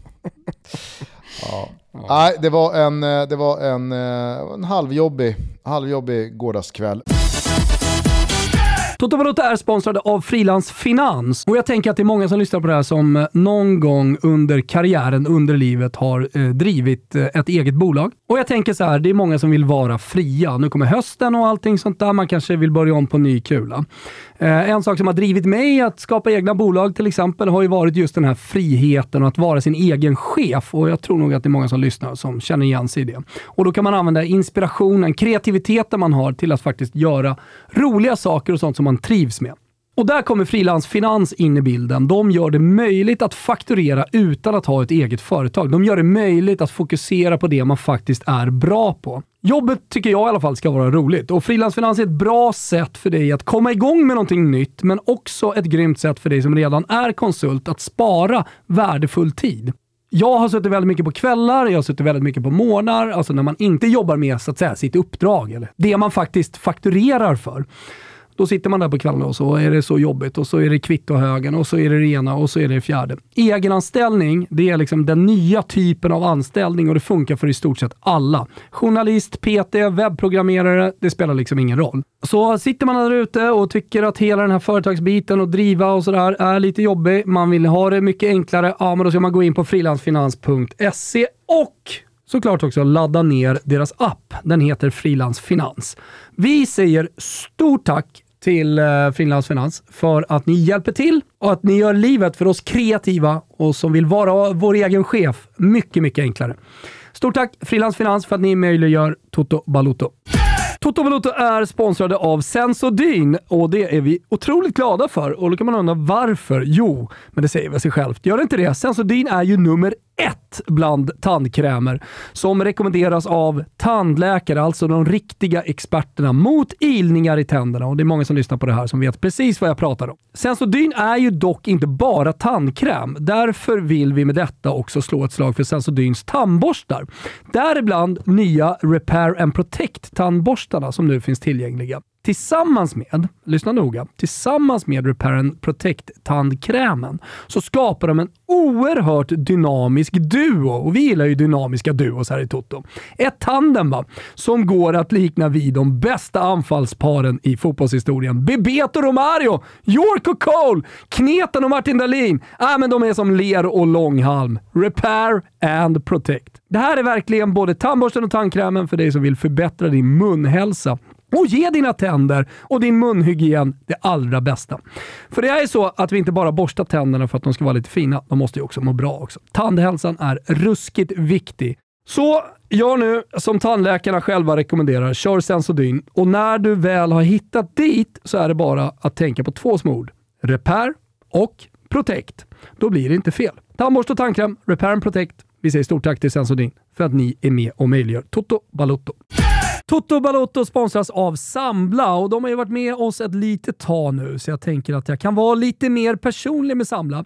Kort först bara för er som har missat det så är Sambla alltså en låneförmedlare som inte bara jämför upp till 40 olika långivare helt kostnadsfritt, utan som även kan hjälpa dig att sänka dina lånekostnader genom att samla de olika lånen och göra dem till ett. Och Det kan man ju säga liksom är grunden. Varför göra det undrar du? Jag kan ta ett personligt exempel. Då som jag sa, när jag var runt 30, det var ett tag sedan, så hade jag kreditkort som jag liksom aldrig kom ikapp med. Kanske någon som känner igen sig med det.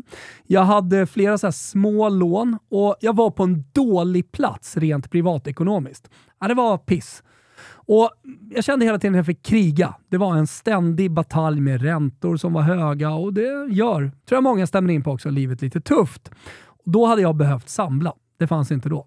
Om Samla hade funnits då vid min sida så hade jag kunnat gå in på samla.se och ansökt tryggt och säkert och hittat den bästa lösningen för just mig. De som känner igen sig i det här, tycker att det låter som en väldigt bra tjänst, så rekommenderar jag starkt att gå in på samla.se. Vi säger stort tack för att ni är med och möjliggör Toto Balotto.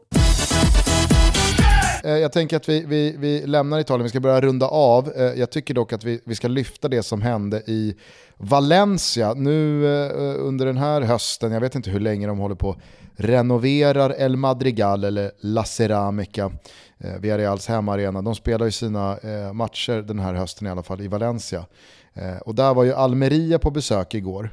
Noterade du vad som hände? På tal då om Kristoffer Karlsson och domare som ja, men går sin egen väg utifrån ja, men, en ledstjärna som är deras egen övertygelse om att jo, jo, det här är rätt. Nej, alltså jag följde bara den här matchen via livescore eh, och, läste inte om den efter. Den matchen som jag såg, eh, som faktiskt var en jävligt fin fotbollsmatch med mycket känslor, var ju Betis mot Atletico Madrid. Eh, med fina mål och jag vet inte om du såg eh, eh, galna Fekirs eh, fri, frisparksmål och, och, Moratas känslor under den här matchen. Och, och, eh, otroligt, otroligt fin fotbollsmatch. Eh, men eh, jag, jag, noterade i alla fall, när jag följde Villarreal Almeria via flashcore, eh, att det liksom bara flög upp kort och det blev mål och folk utanför plan blev utvisade. Jag, jag, det måste varit kaosminuter. Ja, det var ett ruskigt palaver då, för att det som händer det är att Villarreal kvitterar i början av den andra halvleken eh, genom Alex Baena mm. eh, till 1-1. Och eh, Baena är vid det här laget eh, varnad sedan mm. tidigare i matchen. Han rycker inte tröjan. Ja, nej, han rycker inte tröjan, utan det som då sker är att Alex Baena, liksom väl medveten om att han är varnad, så trär han bara tröjan över huvudet. Så att tröjan sitter liksom kvar på axlarna och ärmarna om du förstår. Ja, ja, ja men, men det får man väl inte göra? Nej, det, det får man inte.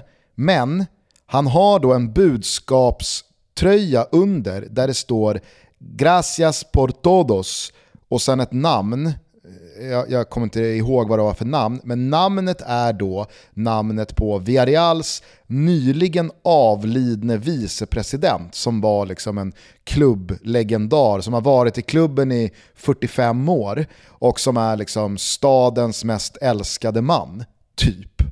Eh, var det en spansk bin... snut som den då? det är det, det, det jag ska komma till. För att Bildproducenten landar då på vad jag tror är då den här avlidne vicepresidentens son på läktaren som då brister ut i gråt, eller han fäller en tår i alla fall och det, det blir liksom, det är någon fru som lägger någon arm runt honom och det, det är så jävla fint att liksom Alex Baena, han, han, har skrivit den här tröjan för att han ville verkligen liksom skicka en sista hälsning till eh, denna avlidne vicepresident. Men det det kan inte domare Ben Goetchea släppa igenom. Nej, nej, nej, nej. Inför lagen är, är vi alla lika. Ja. hur, skulle, hey. hur skulle det se ut om alla får göra lite som de vill här va? Om, om vi skulle liksom frifräsa lite på känsla. i fotbollsvärlden här. nej, nej, nej, nej, nej, nej. Det må vara ett fint budskap va, men här har du ett andra gult, här har du ett rött. Där är spelargången av med det. och, det, och då blir det ju sån jävla kaos på Villareals bänk. Så då är det ju liksom, det, det, det är ju klungjidder och det är en spelare som då tappar huvudet och också blir utvisad och sådär. Men det var bara så, alltså jag tycker, det här är ju verkligen alltså, ett koncentrat av det jag alltid har pratat om, att det finns ingen regelbok. Det finns bara liksom domares tolkningar av den. Och i det här fallet, alltså vi, vi är inne i den elfte omgången av La Liga. Det är Villarreal mot Almeria. en match som ytterst få, om ens i Spanien, liksom bryr sig om. För det spelas liksom samma dag matcher mellan Betis och Atletico Madrid och det är Barca mot Athletic Club. Och, ja men du vet, alltså det, det här är bara liksom, det här är ju den här eh, liksom allsvenska måndagskvällens motsvarighet till eh, Värnamo och Norrköping. Och att man i en sån match, när ett lag med 35 minuter kvar att spela gör 1-1 och den här spelaren då uppenbarligen skickar en hälsning till en avliden, av klubben och staden älskad vicepresident. Han sliter inte av sig tröjan, han kastar inte av sig tröjan utan han trär, försikt, han Men- trär försiktigt över tröjan, över huvudet. Men lite man- jävla att- rättvisa då på, på slutet eh, ser jag ändå att eh, när, när eh, Jackson eh, för eh, Villarreal gör 2-1 i den 94 minuten så, så, Ja, ja, så måste eh, det ändå känns lite bra för alla inblandade. Poetiskt- Vi kan gå vidare. Poetiskt rättvist som Poetisk fan. rättvisa, ja exakt. Men det jag menar är bara att där kan ju domare Ben Goetchea, utan att någon hade protesterat, Ja. sagt till honom att, nu är jag jävligt schysst mot dig va. Men jag Du tror, har jag tror en allt varning. det här med VAR och allt det här med liksom clear and obvious som är så jävla luddigt och så här, det, det, det, har gjort, det har bara gjort alla huvuddomare extremt osäkra i alla situationer. Så att de försöker bara liksom följa regler och så blir det pannkaka av allting. Jag tror också att det för en del domare, inte alla, men jag tror att en del domare är ganska dåliga på att liksom känna sig trygga i att hej, jag kan missa saker och jag kan göra fel. För jag har ett varum bakom mig som finns där för att hjälpa mig. Utan istället känner att nu sitter ett varum där bakom mig och ska in och peta i mina beslut. Och eh, ska, kan eventuellt komma att belysa misstag som jag gör och saker som inte jag ser. Så jag ser fan allt. Jag ska, ge, jag ska inte ge dem minsta möjlighet att gå in och säga du, eh, du, jag tror att du fick det här lite om bakfoten, eller jag tror att du missade det här. Eh, det här blev nog fel, kom ut och titta på skärmen. Och att man då liksom, ja men kanske börjar se saker i syne. Det var ju en domare i Spanien för bara några veckor sedan när Athletic Club jagade eh, kvittering mot Atletico Madrid. Jag vet inte om du såg det. Så är det ett skott i liksom, eh, en kalabalikpress i straffområdet som Reinildo täcker med facet. Alltså han tar den rätt i plytet. Och domaren tvärsäker blåser straff. Och liksom visar med, eh, med, liksom, med all önskvärd tydlighet i tecknet att nej, men det är hans. Alltså det, det, kom inte ens här och kom. Kom inte här och gidra. Dela ut något gult kort för protest. Och, jag, jag har sett den här straffen. Och så ser ju alla vi på reprisen att det finns ingen arm, det finns ingen hands. Reinildo tar den rätt i ansiktet, det här skottet. Att man, Eh, också- Förstår du vad jag menar? Att så Ja, här, ja, jag förstår. man, man blir liksom os, de- den osäkerheten du är inne på, att det gör att så här, visst fan var det där hans? Visst fan såg jag en armbåge där? Ja, men, eh, jag, jag tror att eh, alltså i det svenska fallet, Kristoffer Karlsson, Jeremejeff, det kommer leda till ännu fler starka röster i eh, alltså de viktiga rummen kring de runda borden så att säga, de som bestämmer om svensk fotboll för att man ska införa VAR. Men så ser man de här situationerna, eller liksom så här, hur nojig hela fotbollsvärlden har blivit, eller eh, domarkåren, den internationella domarkåren, hur nojigt det har blivit när, när VAR har införts. Eh, men eh, det, det tänker man inte på då, utan man, jag, jag, jag, jag tror ju att det bara, alltså det, sådana här situationer som i Jeremejeff bara liksom eh, förstärker ytterligare eh, ja, men domarförbundet och alla andra liksom, styrande organ inom fotbollen, der, deras eh, liksom, önskan att få införa VAR även på de allsvenska arenorna. Jag hörde vår gode vän Jesper Oraklet Hoffman i morse i Fotbollsmorgon lansera teorin att Kristoffer Karlsson, som är en stor VAR-förespråkare själv, det att det här är då hans, liksom, han gör det med flit Protest. för att skynda på eh, liksom, eh, processen med att införa VAR. Hade, jag- alltså, jag hade kunnat ge honom det. Alltså så här, gör allt för att vinna. Fotbollsspelarna gör allt för att vinna. kan, alltså, då växer han i mina ögon lite grann, Kristoffer Karlsson. Jag får, ta det jag får ta det här i egna händer. Jag får ta det jag får ta det här i, i, i egna händer. Han har surrat med Steffe Pepsi som gärna vill införa VAR.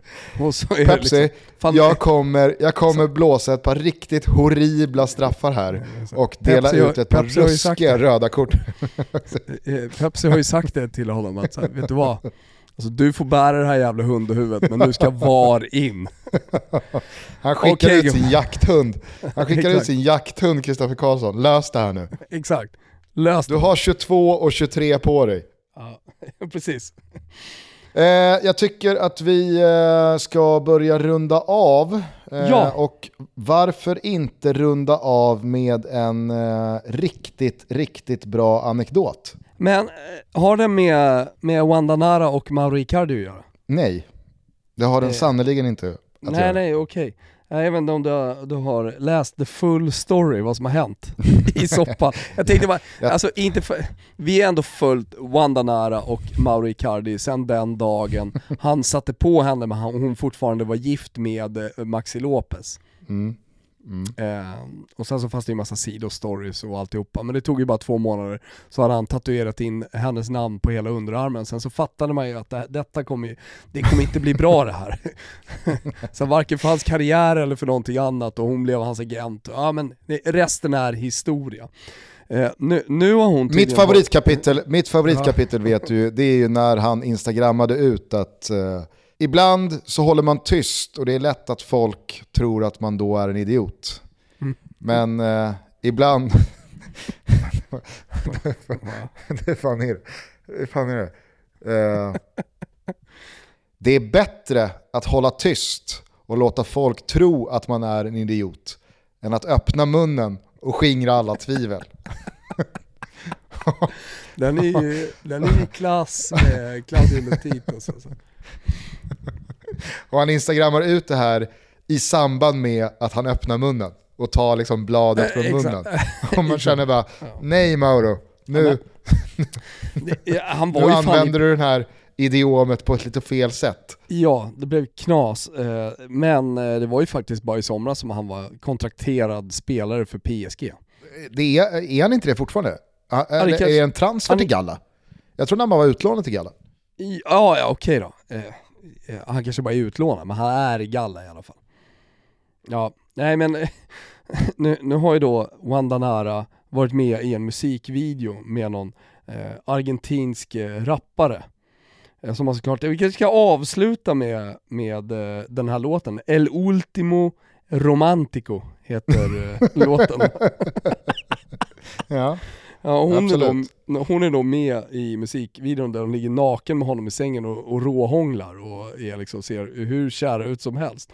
Och de är, det har ju varit liksom on-off eh, relationship här mellan Wanda, eh, det har ju varit mycket strul liksom på slutet men de är, som jag har förstått det fortfarande ihop och hon följde med till Galatasaray, eller det gjorde hon ju, det har man ju sett videon när han anlände och hela Hela liksom Galatasaray-skaran av supportrar höll på att välta bilen och att det var fullt. Så nej men de, de är ihop, men hon, hon Finns fall... väl dock eh, ett lager som gör att, alltså så här, hon kan ju eventuellt bara ha varit där i egenskap av Icardis agent. Nej, barnen var med och alltihopa. Och det var Ja, okej. alltså Ja, Maxi Lopez barn. så, så att säga. Ja, jag, jag, jag, fattar. Men det, men det var ju slut för något år sedan. barndomsidol för övrigt, eh, Maxi Lopez. Så det finns, det finns ju så, liksom många bottnar i hela den här jävla soppan. Men hon har i alla fall pipit hem till Argentina och varit med i den här musikvideon och ligger naken utan att han eh, liksom visste om det. Inte nog med det då, nu är han i Galatasaray och som jag har förstått det, nu får ju liksom eh, Ekim eh, jugglar. eh, rätta mig om jag har fel, men han, han har fått mycket skit här nu på slutet, att det är dags att börja liksom leverera snart. Eh, så, så har jag uppfattat det i alla fall. Eh, då, han, han blir i alla fall så arg, så han ber Galatasaray, enligt liksom, de, det jag läser, och man ska aldrig kolla en bra story, bett om att få åka till Argentina och liksom, eh, fronta henne och, och fråga vad han pysslar med. Han ska ha kommit till, eh, eh, de säger nej då såklart. Det är inte läge att åka här under den här tajta säsongen. Men han piper iväg i alla fall till Argentina och kommer till hotellet där, där hon typ ska bo, ja jag vet inte. Eh, då eh, blir han inte insläppt av vakterna, så jag tror han får åka tillbaka till Turkiet med svansen mellan benen igen. Så, och, så hamnar ju då i en situation med Galatasaray. Ja men du hör ju. Han liksom sätter sig i sådana situationer, det finns väl ingen jävla spelare som skulle liksom bli så arg då. För det första, hur kan han inte veta att hon ska vara med i en liksom stor rappare, jag tar för givet att han är stor rappare, Elegante heter han. Eh, just det, det såg jag inte, jag läste det bara, Elegante. Ja, det är elegant. Ja, men fy fan. Ja, eh, eh ja, hur som helst, tillbaka i alla fall i Turkiet här nu och eh, får ännu mer skit. Ja, fast samtidigt så får man ändå säga, alltså både du och jag är ju stora förespråkare av att fotbollsspelare får bete sig hur de vill inom lagens gränser så länge man levererar på plan. Och jag klickar mig in här på Galatasarays senaste hemmamatch som alltså var igår eh, mot Alanyaspor. Eh, man spelar förvisso 2-2 men Icardi startar och gör 1 plus 1. Ah, ja, okay. Så okay. Eh, han kanske fick ut något bra av den där lilla trippen. Ah, okay. Han ja, tog precis. ut sin ilska och frustration på plan. Jag ser också varför här nu Wanda Nara är tillbaka i Argentina och inte är med honom i, i Turkiet för tillfället. Mm -hmm. Hon är en, eh, en i juryn av den argentinska versionen av Masked Singer. oh. Såklart. Ja, nej. Ah. Alltså det, måste bli, det måste bli en film och det måste bli någon, någon form av liksom populärkulturell eh, serie av det här. Det bara mm. måste det. Ja, eh, och nej, tydligen, men så, det var så, inte... tydligen så har hon gissat på en av de här Masked Singer-profilerna eh, eh, ja, och, och, och trott att det var Osvaldo, då har hela den här storyn kommit upp. Ja, det verkar vara en jävla soppa alltså. Blanda in Osvaldo i allt det här också. Den där man lämnade den spelande igen. fotbollen och åkte runt som trubadur i, i, i Argentina. Fantastisk spelare för övrigt ja. alltså, Osvaldo. Oj, oj, oj, oj. Verkligen. Hörru Gusten. Eh, ja, det var eh, inte den anekdoten jag i alla fall tyckte att vi nej, skulle avsluta ja, med. just det, du hade, du hade något ja. Jag tyckte att det var en annan anekdot som jag ändå vill Det här var ingen som, anekdot, som det var bara rapport. Nej, ja, jag fattar. Eh, eh, din, eh, din polare, Dusan, på SVT har ju varit i farten igen. Ja, och intressant att du säger igen. För jag tycker ändå liksom, Sveriges största fotbollspodd, eh, mm. har ju ändå liksom pratat om hans svala anekdoter tidigare. ja. Och att ingen ja. liksom, jo det är en som uppmärksammade på, på, på Twitter att så här, nu, nu, nu har han varit igång igen. liksom. Exakt, alltså, för er som inte hänger med. Jag nej, men, ihåg det. Jo men han, han hade väl spelat hockey med Johanna Rytting Kaneryds farsa. Så var det ja. Så. Eller om det var så här korpinnebandy eller paddel eller Nej, någon annan liksom sport på någon typ av hobbynivå. Mm. Bara liksom, det skulle han bryta eh, in med när jag pratade om Johanna Rytting Och det, det blev ju liksom startskottet för vår sommar av riktigt svaga eh, anekdoter med någon form av idrottslig koppling. Det här kommer du ihåg, det här höll ju på hela sommaren vi enades ju om att eh, Niklas Alexandersson är den perfekta liksom, huvudrollsinnehavaren i en svag anekdot med fotbollskoppling. Eh, men eh, i, i eh, söndag, jag blir full i skratt bara jag tänker på det. I gårdagens då, i söndagens eh, Stockholm Open-sändning på SVT eh, kring finalen så är det då Dusan som eh, programleder och, eh, Med den äran ska sägas. Ja, eh, alltså, han, han är säkert jätteduktig. Jag är för dålig, liksom, tennis, jag är för dålig på tennis, för att, alltså, precis, som, precis som att jag är för dålig på hockey för att kunna avgöra så här, hur, hur bra är det här. Men om du säger det så, så eh, litar jag på dig blint. Eh, han har i alla fall sällskap då av Johanna Karlsson och Magnus Gustafsson va? Gusten kallad. Som en liten cirkelslutning. Eller är det Thomas Gustafsson? Thomas Gustafsson. Skitsamma. Eh, han kallas i alla fall för Gusten, den gamla storspelaren. Thomas Gustafsson. Thomas Gustafsson. Ja, inte Magnus Gustafsson, utan Thomas Gustafsson. Magnus Larsson. Exakt. Magnus Larsson och Thomas Gustafsson. De sitter i alla fall där eh, och sen så av det här klippet att döma så pratar de om Björn Borg. Och då får Dusan feeling. Rulla bandet Kim. Förlåt till kontrollrummet och Blomman som sitter där och alla, alla ni som vill höra mer om, om själva eh, tennis. Jag måste bara delge en historia som jag själv hade med eh, John McEnroe när jag var 2011 på plats i, eh, på Franska öppna. Jag träffade John McEnroe, jag frågade honom om jag kunde göra en intervju. Really? Now?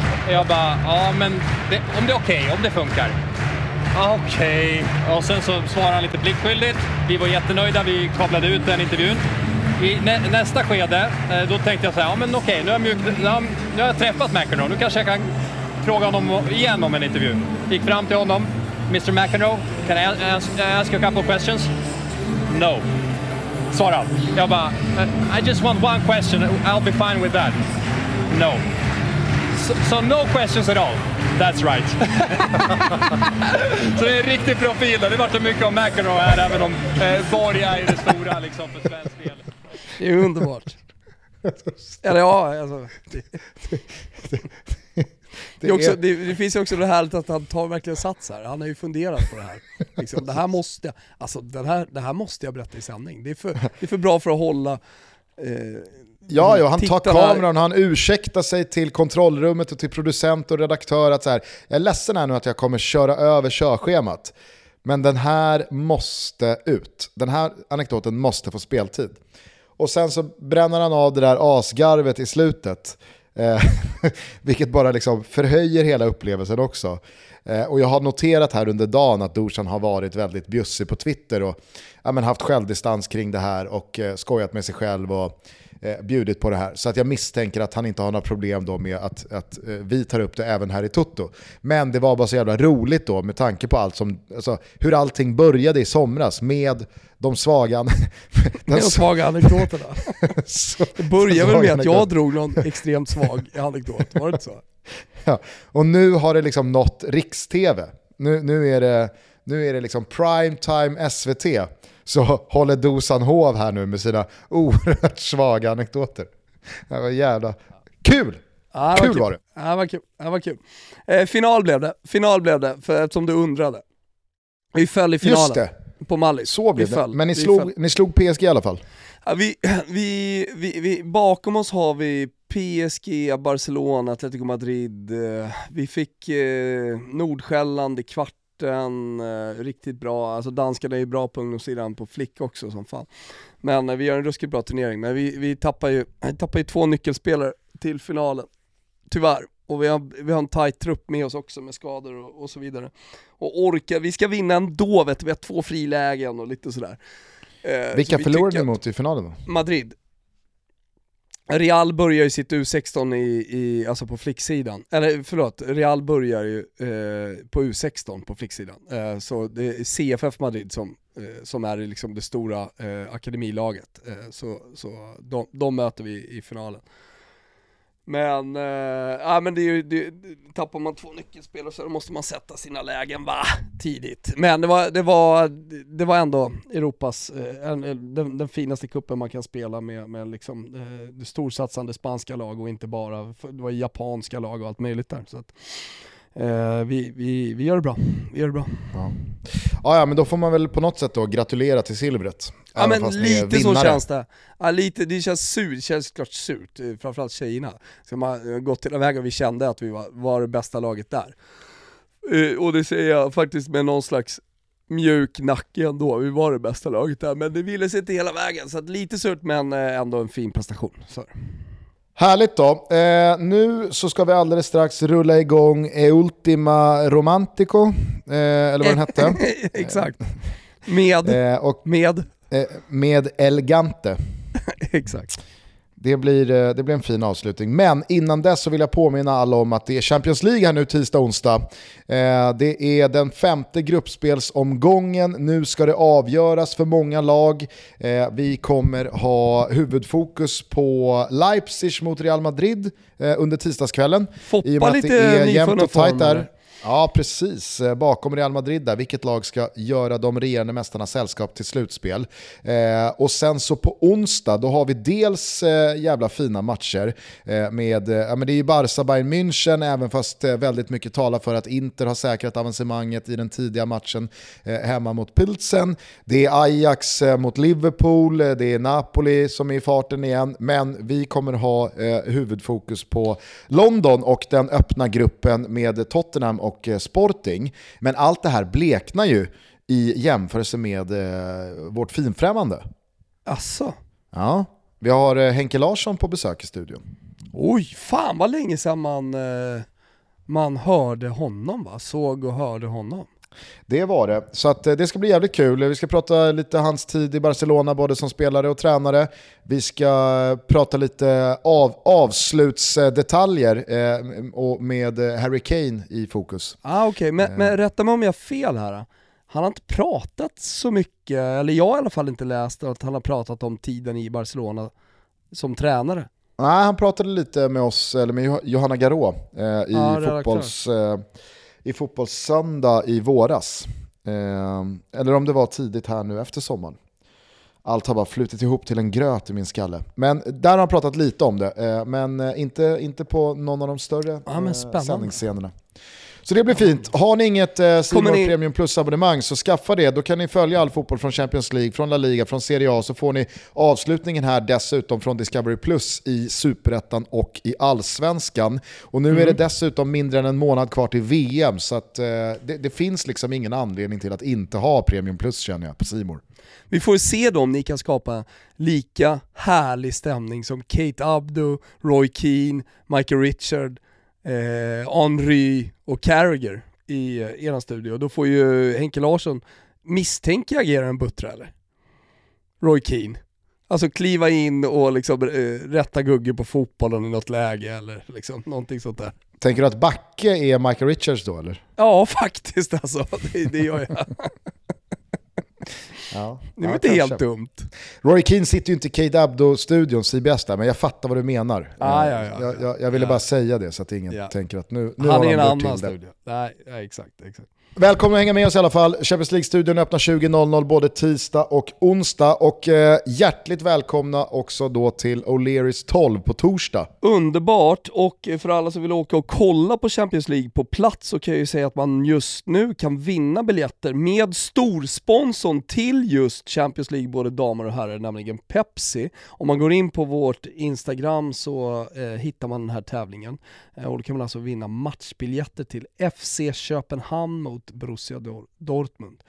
Eh, det tycker jag man ska göra om man inte har gjort det än. Och sen till Champions League, självklart så är det läge att studsa upp eh, på vinnarhästen med Betsson fan kriga hela natten här för att hitta tre stycken fantastiska spel så vi får upp en riktigt, riktigt bra trippel. Eh, så eh, följ den, frågan om inte, fan lite minisugen på Barca ändå. Hur som helst så hittar den på våra sociala medier här under tisdagen och det är säkert många som lyssnar på det här avsnittet så vi börjar närma oss midnatt här och, och ni hör att den här papparösten har skrikit ganska mycket i Mallis så det, det, är läge att gå och lägga sig strax. Eh, men eh, godbitar, boostade odds i alla fall är det som gäller på, på Betsson.com. Yes, nu ska jag göra ett avslutande måndagskvällsjobb här eh, när jag ska jobba bort Jared Bowen eh, från eh, mål eller assist i London. Det återstår 25 minuter han av West Hams match mot Bournemouth. Nej, han startar, han startar, han startar. Jaha, jag läste någonstans, eh, eller var det bara ironi eller skämt att han inte skulle starta? Nej, det var bara ett skojkonto. Det var bara ett skojkonto. Sen så kan man väl eh, fortsätta hoppas på att eh, ska slänga in eh, Viljot Svedberg här i Celta Vigo, men den gubben verkar sitta fastnaglad på eh, Celta Läge för utlån va, i januari det börjar bli det. Mm. Eh, nej men eh, hörni, eh, ha en jävla fin eh, vecka till dess att vi hörs igen. Det blir väl fredagstutto då i och med eh, torsdagen. Eh, det är ju kul att ta ner en sån kväll eh, det i avsnittet för alla de som inte kunde vara med. Liksom. Exakt, exakt. Eh, skitbra, eh, ha det så jävla bra tills vi hörs igen. Ciao tutti! Ciao tutti! Habla la mafia. Habla la mafia. El último romántico. Desde que estás sola, solo conmigo quiere, no importa la hora, porque me prefiere. Y no dice nada.